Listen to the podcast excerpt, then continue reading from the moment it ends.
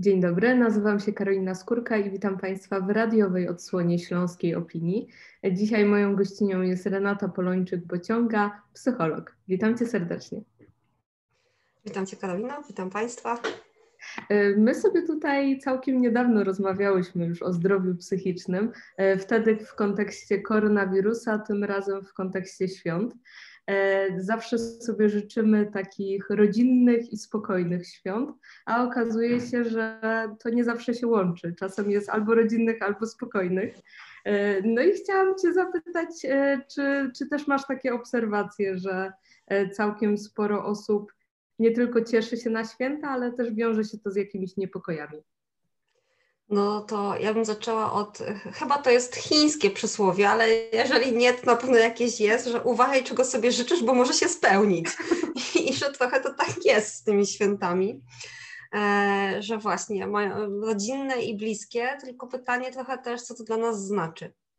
Bo z takiego punktu widzenia jako psychologa i terapeuty, no to myślę sobie, że dla moich pacjentów święta to jest jeden z najbardziej napięciowych okresów w roku kiedy właśnie trzeba się spotkać przy rodzinnym stole e, i odpowiedzieć na milion pytań, na które niekoniecznie ma się ochotę odpowiedzieć, albo nie wie, jak, nie wie się, jak się odpowiedzieć, albo nie tym osobom by się chciało odpowiedzieć. E, I trochę chyba bym chciała zacząć od takiego punktu wyjścia, żeby sobie uświadomić, z kim my spędzamy święta i na ile to są osoby, które, z którymi chcemy spędzić święta, a na ile czujemy się w obowiązku, żeby te święta spędzić z tymi osobami, i na ile to są osoby, które są dla nas bliskie i znane. A, a na ile jest tak, że widujemy się dwa, trzy razy do roku, a czasami raz na dwa, trzy lata, bo teraz, kiedy ludzie, nie wiem, przyjeżdżają, przylatują z różnych zakątków świata, więc czasami to jest, bym powiedziała, taka frekwencja, czy ja spędzam święta z kimś, kto jest dla mnie faktycznie bliską osobą, taką, którą ja znam. Mhm. Czy, czy może jednak spotykam się z kimś, kto jest moją rodziną, no ale ostatni raz rozmawialiśmy też dwa lata temu na święta. E, czyli sugerujesz, że warto rozpocząć od tego, czy na pewno musimy spotykać się w takim gronie, czy na pewno chcemy? Od takiego zastanowienia się, co mną kieruje, żeby się spotkać w takim gronie. Czy to jest właśnie chęć spotkania się z tymi osobami, czy może takie poczucie obowiązku, czy może przyzwyczajenie, że święta tak powinny wyglądać, może czasem brak innej alternatywy, bo nie mam z kim innym spędzić świąt, albo nigdy w życiu nie spędzałam, nie spędzałem z kimś innych świąt, więc sobie nawet nie wyobrażam, że można inaczej. Ale warto sobie zadać to pytanie, bo ono jest dla mnie też trochę takim punktem wyjścia do kolejnych pytań, które padną albo nie padną przy wigilijnym stole. No mhm. bo jeżeli sobie uświadomię, że to są osoby, które są dla mnie de facto obce, tak? Ostatni raz rozmawiałam z nimi rok temu, na świętach, albo na czymś pogrzebie ewentualnie. To też jest taka okazja, na której się widujemy z dawno niewidzianymi członkami rodziny, tak? I teraz siedzę z kimś przy stole, kogo widziałam rok temu, to czy zadałabym obcej osobie pytanie, hmm, a jak tam u dzieci? Wy macie jakieś w planie? Bo już jesteście 5 lat po ślubie. Czy zadałabym takie pytanie osobie, którą widziałam ostatni raz rok temu i de facto nic o niej nie wie? Mhm. Nie? Czy zadałabym jej pytanie, o, a ty nadal tak dużo pracujesz? Czy może zaczęłabym od czegoś neutralnego? Co u ciebie, jak dojazd, nie wiem, smakuje ci ta ryba, a może podać kawałek szablotki, tak? Bo często zadajemy pytania, które są krępujące, które wymagają dużej bliskości, a my jej nie mamy. Mhm. I takiego zastanowienia się dla mnie w tym momencie, czy ja o tej pracy rozmawiam z tą osobą w ciągu roku. Kiedy ostatnio napisałam do niej wiadomość, nie wiem, na Messengerze, na WhatsAppie, co u ciebie, co robisz, jak spędzasz czas, jak praca. Nie? Jeżeli nie piszę tego przez cały rok, to takiego zastanawiania się, ok, to jakie mam prawo, żeby o to pytać przy wigilijnym stole? Mhm. Bardzo, bardzo, dużo mówi się, e, mam wrażenie ostatnio o tym, że nie wypada pytać e, e, kobietę, kiedy będzie miała dziecko, czy kiedy zajdzie w ciążę. To jest taki temat, mam wrażenie, w internetach szczególnie dość nośny, że takiego pytania no nie wypada po prostu zadać, bo może być dla kogoś przykre. O co rozszerzyłabyś ten katalog? O jakie, jakie jeszcze pytania, których unikamy, jeśli no nie jesteśmy z daną osobą jakoś bardzo blisko? To ja bym właśnie chyba chciała odwrotnie, nie tyle rozszerzać ten katalog o listę tematów zakazanych, co bardziej właśnie postawić ten akcent w tym miejscu, że zadajmy sobie pytanie, my sobie najpierw, o co zapytałabym osobę, którą ledwo znam, albo którą znam tylko z widzenia. Czy zapytałabym, nie wiem, panią w kasie w Lidlu, o, pani tak wygląda, jakby pani w ciąży była. Hmm? Nie? Albo czy zapytałabym, nie wiem, osobę, którą mijam codziennie na przystanku autobusowym, co u ciebie? Jeżeli mhm. odpowiedź brzmi tak, bo, bo takie mam poczucie, no to to jest pewnie pytanie, które mogę też zadać spokojnie przy tym wigilijnym stole. Ale jeżeli bym nie zapytała obcej osoby, bo ona jest dla mnie faktycznie emocjonalnie obca, tak? bo nie rozmawiamy, nie widujemy się, to wtedy postawiłabym na pytania neutralne. Neutralnymi pytaniami są zawsze te, które dotyczą otaczającej nas rzeczywistości, takiej w sensie tu i teraz. Czy jest Ci przyjemnie? Jak smakuje Ci barszcz? Choć to może być krytyczne pytanie, jeżeli przygotowała je na przykład teściowa, tak? Ale takiego o ten czas, który spędzamy teraz ze sobą, w tym momencie, e, dosłownie siedząc przy tym wigilijnym stole jak ci jest w tym momencie, na co masz ochotę, czy napijesz się kawy czy herbaty, a jaką lubisz. Z takim dopytaniem się i taką ciekawością, jakbym poznawała faktycznie kogoś nowego.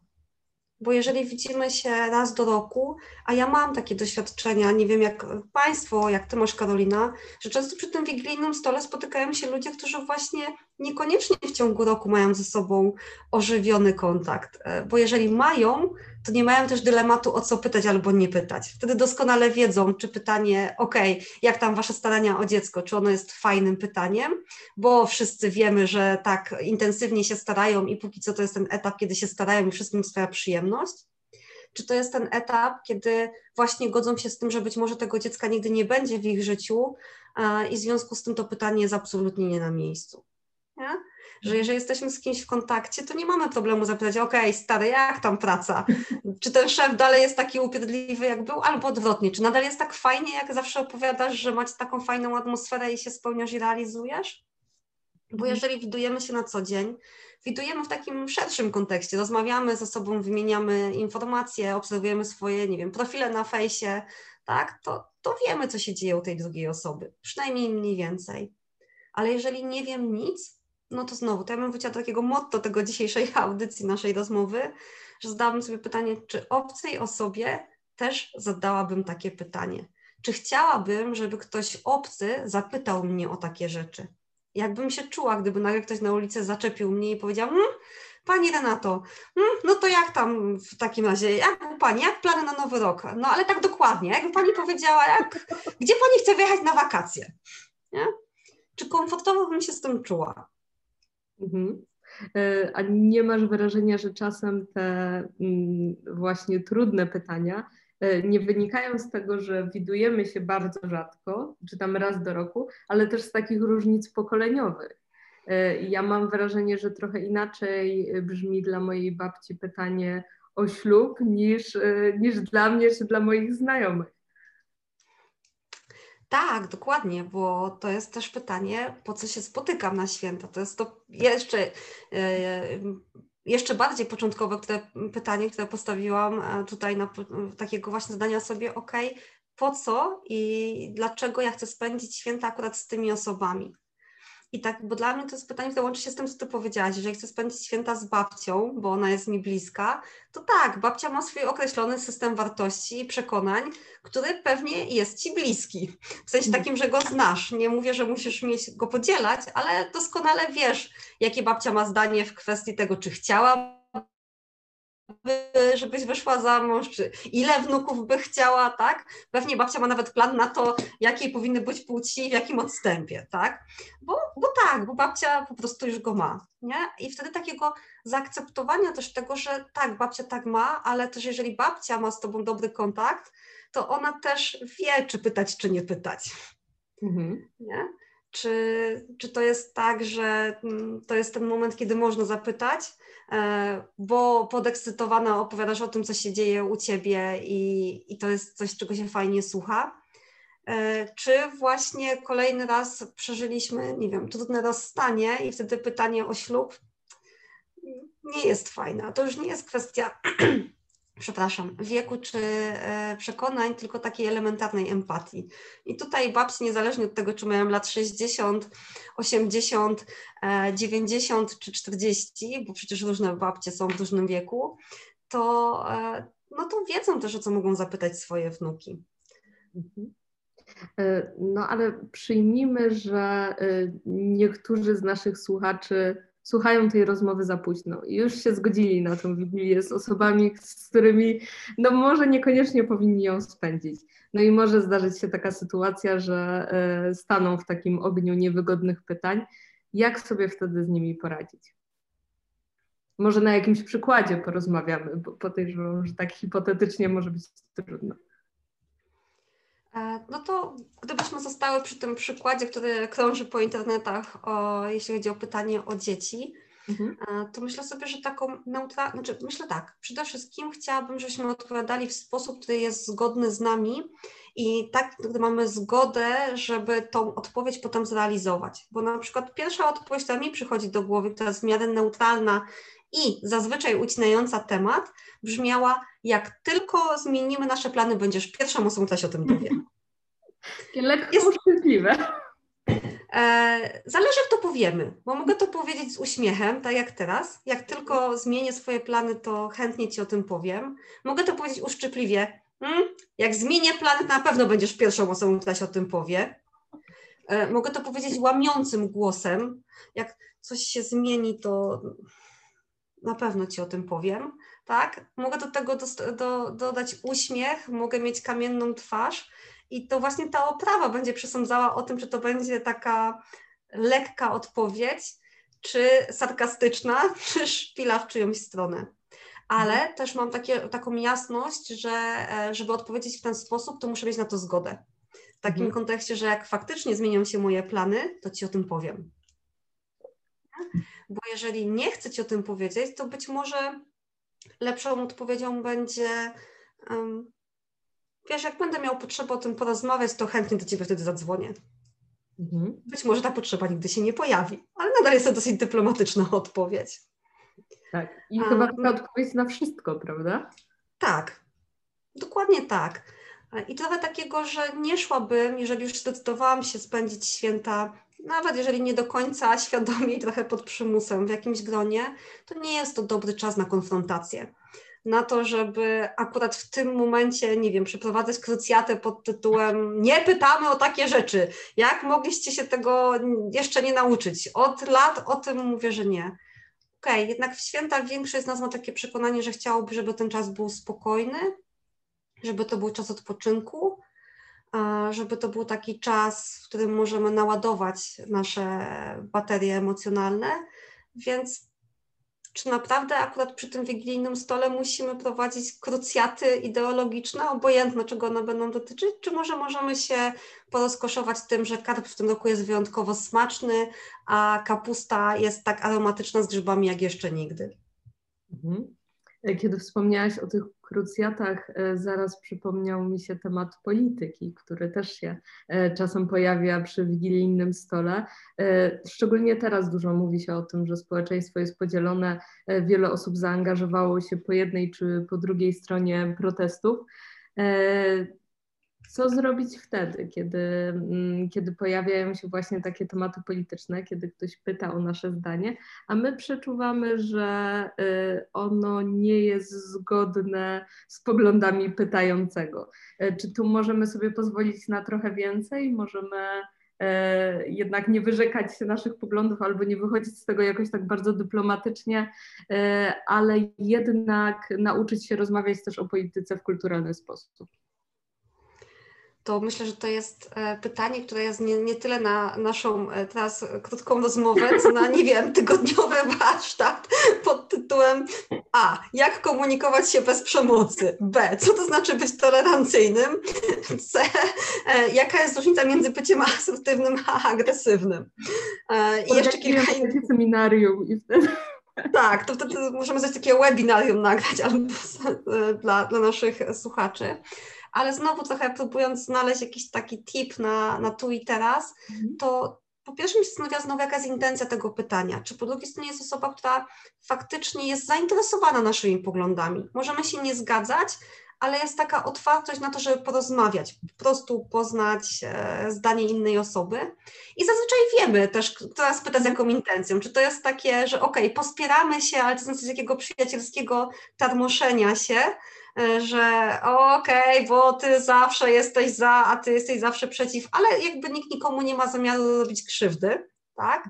Czy to jest takie pytanie, gdzie ktoś już, że tak powiem, po cichu wyciąga, e, tak, a mm, broń z, i, i ma zamiar za chwilę nas tutaj przekonywać siłą argumentów albo argumentem siły do tego, żebyśmy zmienili zdanie.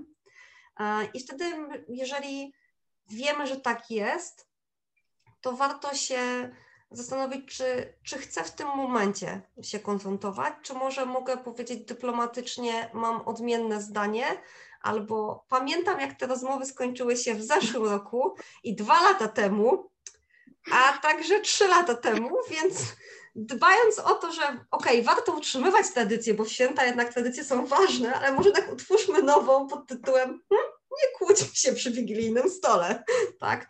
To mhm. może lepiej porozmawiajmy o tym, co tam, nie wiem, wujek czy ciocia sądzi o jakiejś neutralnej rzeczy, tak?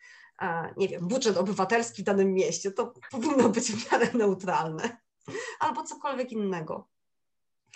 Takiego trochę zobaczenia, że też z takiej naszej perspektywy e, tak, dla mnie jest ważne zachowanie szacunku do samego siebie i nie udawanie, że mam inaczej i, i nie wyrzekanie się swoich poglądów, ale też zobaczenia, że nie zawsze e, muszę toczyć bitwy e, o te poglądy zawsze i wszędzie, że może warto czasami do tego podejść strategicznie i okej, okay, tą bitwę odpuszczę, e, ale chcę wygrać wojnę. Jeżeli już jesteśmy przy takiej bardzo wojennej nomenklaturze, choć ta chyba też nie sprzyjała godzeniu klimatu przy, przy wigilijnym stole.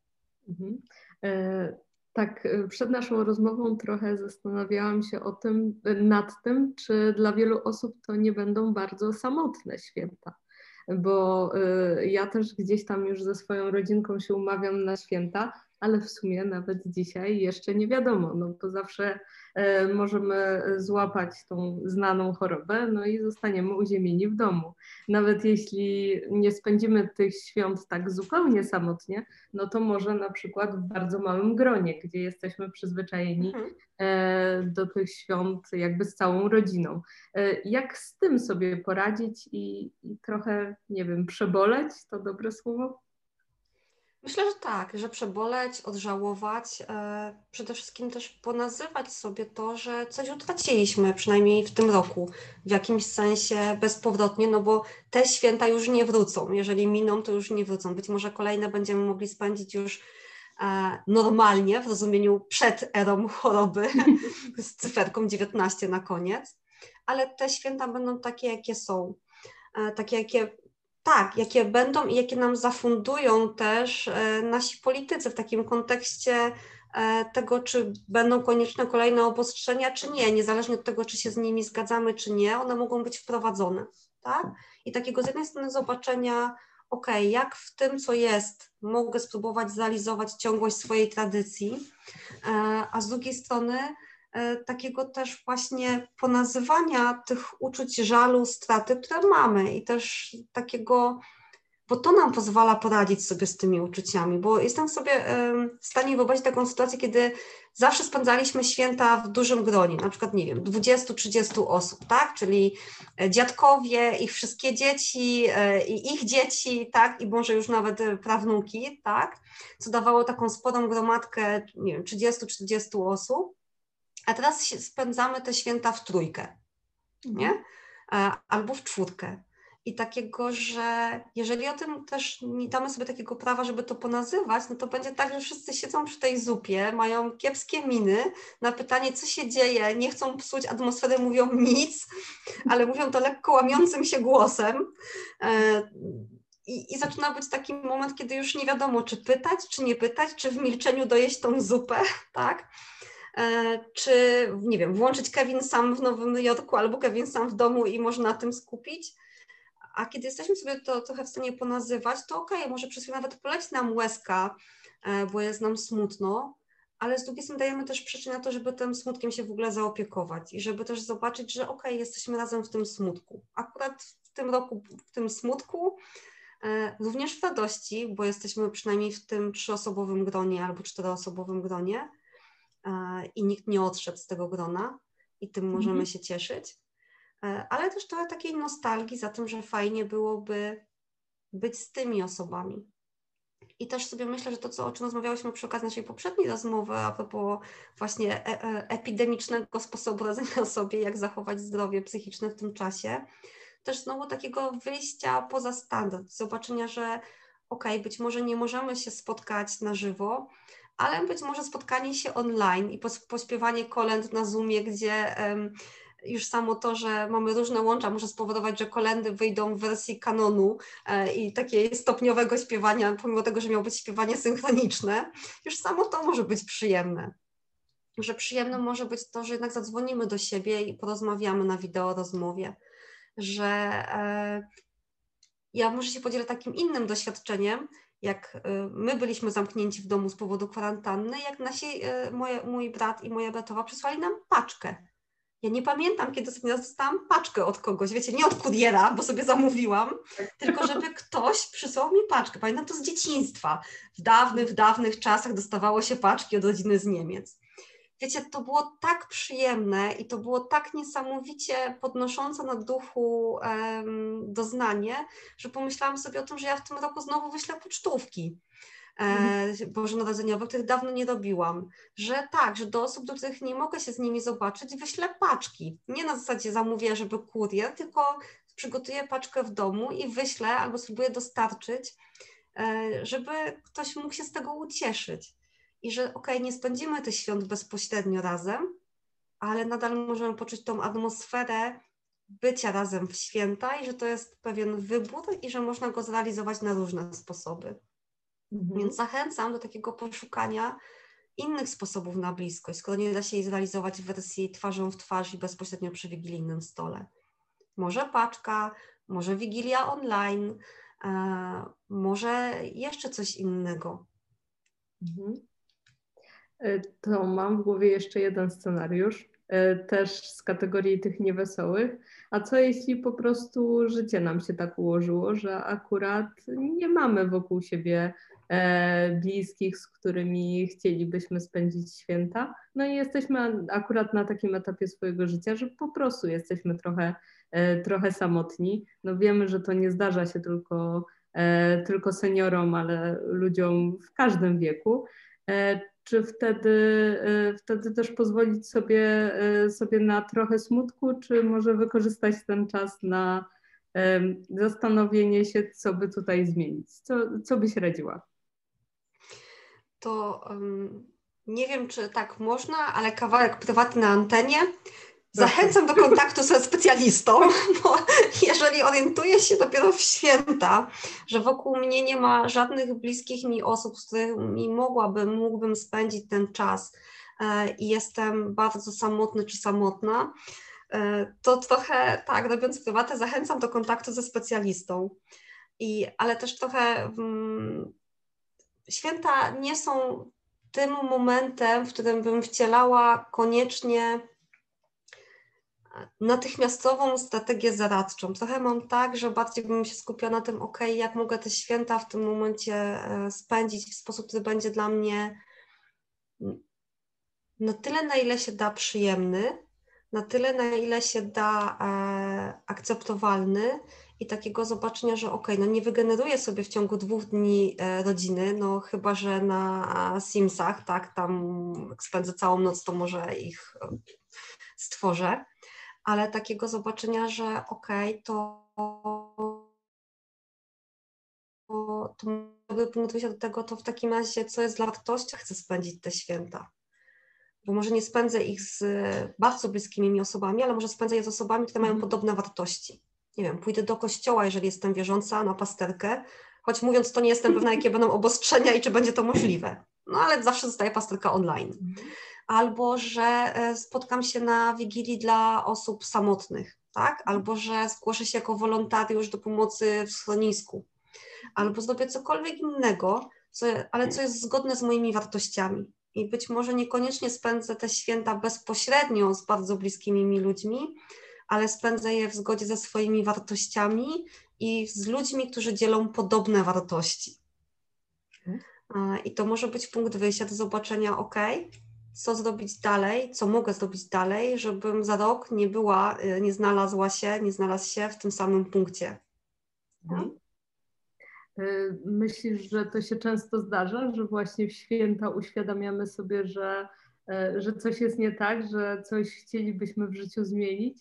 Bo to, ten okres taki przedświąteczny kojarzy mi się z takim dużym pędem. No jesteśmy trochę na takim, e, takim speedzie, tutaj staramy się wszystko upchnąć e, z pracy, no bo kończy się rok, trzeba pozamykać projekty, e, kupujemy jakieś prezenty, szał zakupów, e, no i tak naprawdę czasem zatrzymujemy się właśnie dopiero przy tym wigilijnym stole i mamy taką okazję, żeby rozejrzeć się wokół.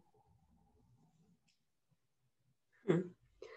E, no tak, no nie na darmo też koniec roku jest takim czasem, kiedy robimy często podsumowania i postanowienia noworoczne.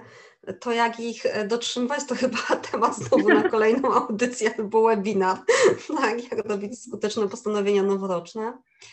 E, ale znowu mam tak, że jasne, święta z jednej strony są takim czasem, kiedy się zatrzymujemy, tylko z drugiej strony, jeżeli to jest jedyny czas w naszym życiu, kiedy się zatrzymujemy, to trudno, żeby on dał nam um, impuls, znaczy impuls może da, ale żeby ten impuls się utrzymał przez kolejny czas naszego życia.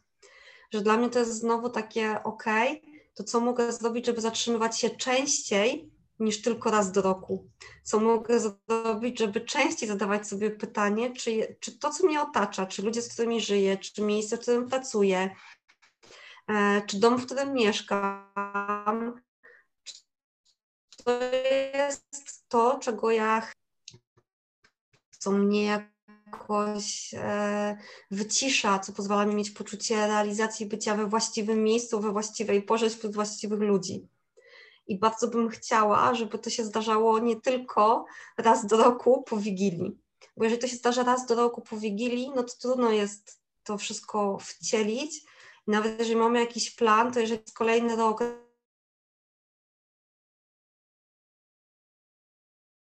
dla mnie, sobie abonament na treningi z trenerem, e, bo uświadamiam sobie, że przydałoby mi się poprawić kondycję, a potem przez cały rok realizuję te treningi, w ogóle nie sprawdzając, nie zastanawiając się nad tym, czy one są dla mnie odpowiednie.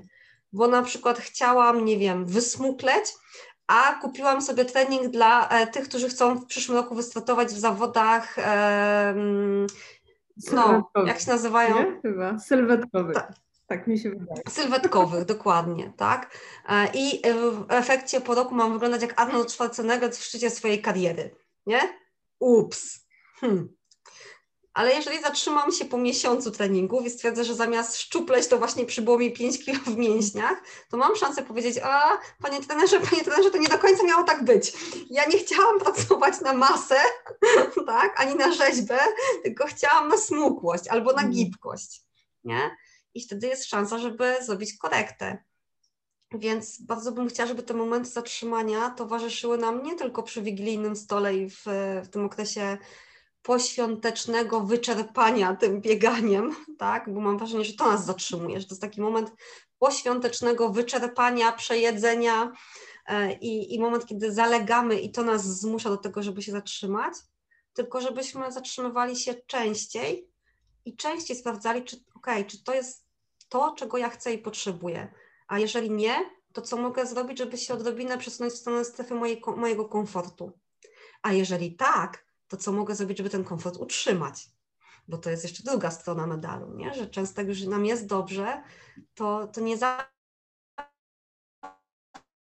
też myślimy o tym, ok, to co mogę robić, co potrzebuję robić, żeby strefę komfortu zatrzymać i żeby ona ze mną została na dłużej, a nie tylko na przykład na święta. Chciałam Cię na koniec zapytać o życzenia świąteczne i noworoczne, ale mam wrażenie, że to już zrobiłaś, że, że tego byś życzyła nam i naszym słuchaczom, żeby właśnie tak e, troszkę się zatrzymać i niekoniecznie wszystko zmieniać, ale zastanowić się, co to spowodowało i no jak działać chyba w przyszłym roku. Zgodzisz się ze mną? Zdecydowanie tak. Dorzuciłabym tylko do tego, że takim moim ulubionym zestawem życzeń świąteczno-noworocznych jest spędzenie świąt w takim gronie, jakie jest dla nas właśnie najbliższe, ale w takim sensie sprawiające, że czujemy się szczęśliwi, zaopiekowani, że czujemy się częścią tego grona. E, I w taki sposób spokojny, dający poczucie bycia we właściwym miejscu z właściwymi ludźmi we właściwym czasie. I to są życzenia, które są dla mnie i świąteczne, i noworoczne. Więc tego Państwu i sobie życzę. Ja oczywiście przyłączam się do tych życzeń. Mam nadzieję, że po tej rozmowie, tak jak ja, czujecie się właśnie tacy zaopiekowani i, i troszkę uspokojeni przed świętami. E, bardzo Ci dziękuję za rozmowę. Moją gościnią była Renata Polończyk-Bociąga, psycholog. Dziękuję bardzo. E, I takie rozmowy na ważne, bieżące tematy prowadzimy w Śląskiej Opinii od poniedziałku do piątku o godzinie 20, więc serdecznie zapraszamy Was do posłuchania nas na żywo, ale jeśli akurat o 20 nie macie czasu, to wszystkie te rozmowy dostępne są także w formie podcastów. Wystarczy w swojej ulubionej aplikacji wpisać Śląska Opinia, no i tam bez problemu już nam, nas znajdziecie. Dziękuję Wam bardzo za spędzenie tego czasu ze Śląską Opinią i do usłyszenia wkrótce.